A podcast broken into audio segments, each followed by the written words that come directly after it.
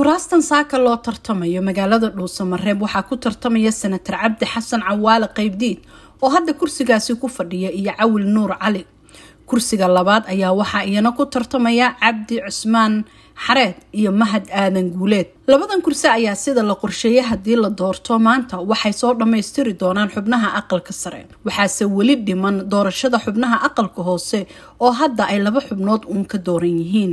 Haddaba maxay ka dhigan tahay doorashada kuraastan ku harsaneyd galmudug oo muddo saddex bil ka badan laga warsugayay? Waa kan doctor maxamuud maxamed culusow oo ka faallooda waxna ka qora arrimaha geeska afrika horta waxaan is leeyahay laba siyoodba waa loo fasiri karaa oo mid horta waxaan leeyahay waa ilaahay mahadii dii maaragtay muddo dheer ka bacdi uun labadii kursi oo ka harsaneed sideeddii kursi ee dowlad goboleedka galmudug ee aqalka sare ay loo codeynayo saddex iyo tobanka november. Taasoo ah saddex bilood kadib markii lixdii kursi oo hore la doortay. Islamarkaasna haddee ay yihiin labadii xubnood oo ugu dambeysay oo lagu dhammaystiri lahay aqalka sare oo tiradiisu ay tahay konton iyo afar. Marka guud ahaan waxaan is leeyahay hadda waa soo dhammaatay doorashadii ama waa dhammaan doontaa saddex iyo tobanka november doorashada xubnihii aqalka sare. Hase yeeshee nasiib darra waxaa ah in haddee baarlamaanka federaalka soomaaliya uu ka kooban yahay aqalka sare iyo golaha shacbiga laba boqol iyo toddobaatan iyo shan xildhibaan oo kale ayaa hadda waxaa laga doortay laba qofood. Kursigan oo markii hore la filayay inay ku tartamaan senatar cabdi xasan cawaale qeybdiid iyo madaxweynihii hore ee galmudug axmed ducaale xaaf ayaa waxaa muuqanaysa inuu ka haray xaaf tartanka kursigan waxaana ilo xog ogaalihi v o e da u sheegay in heshiis siyaasi ah lagu xaliyay arrinkaas. Inkastoo aynu isku daynay inaanu jawaab ka helno madaxweynihii hore ee galmudug xaaf haddana kama jawaabin wicitaankeenii cumar cabdi jimcaale waxa uu cilmiga siyaasadda ka dhigaa jaamacadda muqdisho ee magaalada muqdisho wuxuuna ka waramayaa culayska uu kursigani lahaa iyo sida ay doorashada xilligan ku timid. Labada kursi ee beri galmudug lagu dooran doono waxay ahaayeen kuraas in muddo ah. La sugayay oo dabcan hardan badanna loogu jiray oo si gaar ah culays ugu ahayday maamulka galmudug dabcan waxaa jiray cadaadis badan oo dhanka dowladda dhexe iyo beesha caalamka ka imaanayay oo maamulka galmudug lagaga codsanayay inuu soo dhammaystiro kuraasta dhiman ee aqalka sare. Markaanu si guud u eegno doorashada aqalka sare ee dalka laga qabtay waxaa saameyn weyn ku lahaa madaxda maamul goboleedyada oo inta badan murashaxiin ay si gaar ah u wataan u xirayay kuraasta. Marka laga reebay hirshabeelle oo dabcan u muuqatay inay waddo ka duwan maamul goboleedyada kale ay martay. Doorashada xubnaha aqalka sare ayaa intooda badan waxaa awood ku leh madaxda maamul goboleedyada inkastoo maamulka hirshabeelle uu dhabo kale u maray doorashadii xubnaha aqalka sare.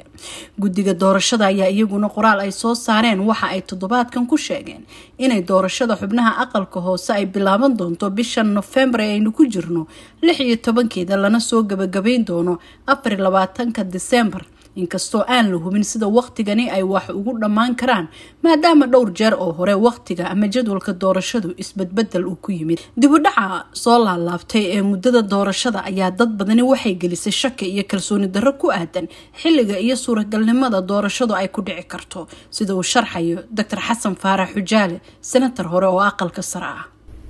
Ummadii soomaaliyeed doorashada maanta jirta waxay ahayd sannadkii hore lix iyo labaatankii sebtembar ayaa la ansixiyey wuxuu ahaa habraac in la sameeyo oo lagu laga fuliyo bishan bisheedii kale ay ahayd.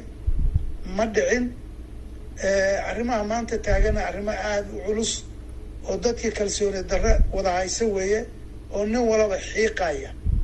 Marka waxaan rajaynaynaa oo yacni filaynaa in wax wanaagsan ay ka soo baxaan mar haddii la yiri dad baa gacanta loo geliyeyna hadda bini-aadanku ma wada sinna. Qofna waa hagaajinayaa qofna waxbuu ku qasi qofna si weeye.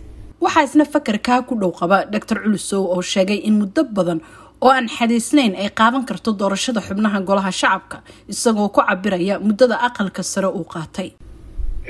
Midda hadda soo socoto aqalka hoose laga yaabeeba inay sanad qaadato waayo tii aqalka sare ayaa waxay maraysaa haddeertaan waxay bilaabatay sagaal iyo labaatankii julaay aan u malina ama bishii luulyo. Mid labadii kursiyo hadda ugu dambaysana waa saddex iyo tobanka november. Halkaas waxa weeye waxaan u malaynayaa muddo ku dhow saddex bilood iyo iyo shan iyo toban maalmood inay tahay muddada ay socdaan.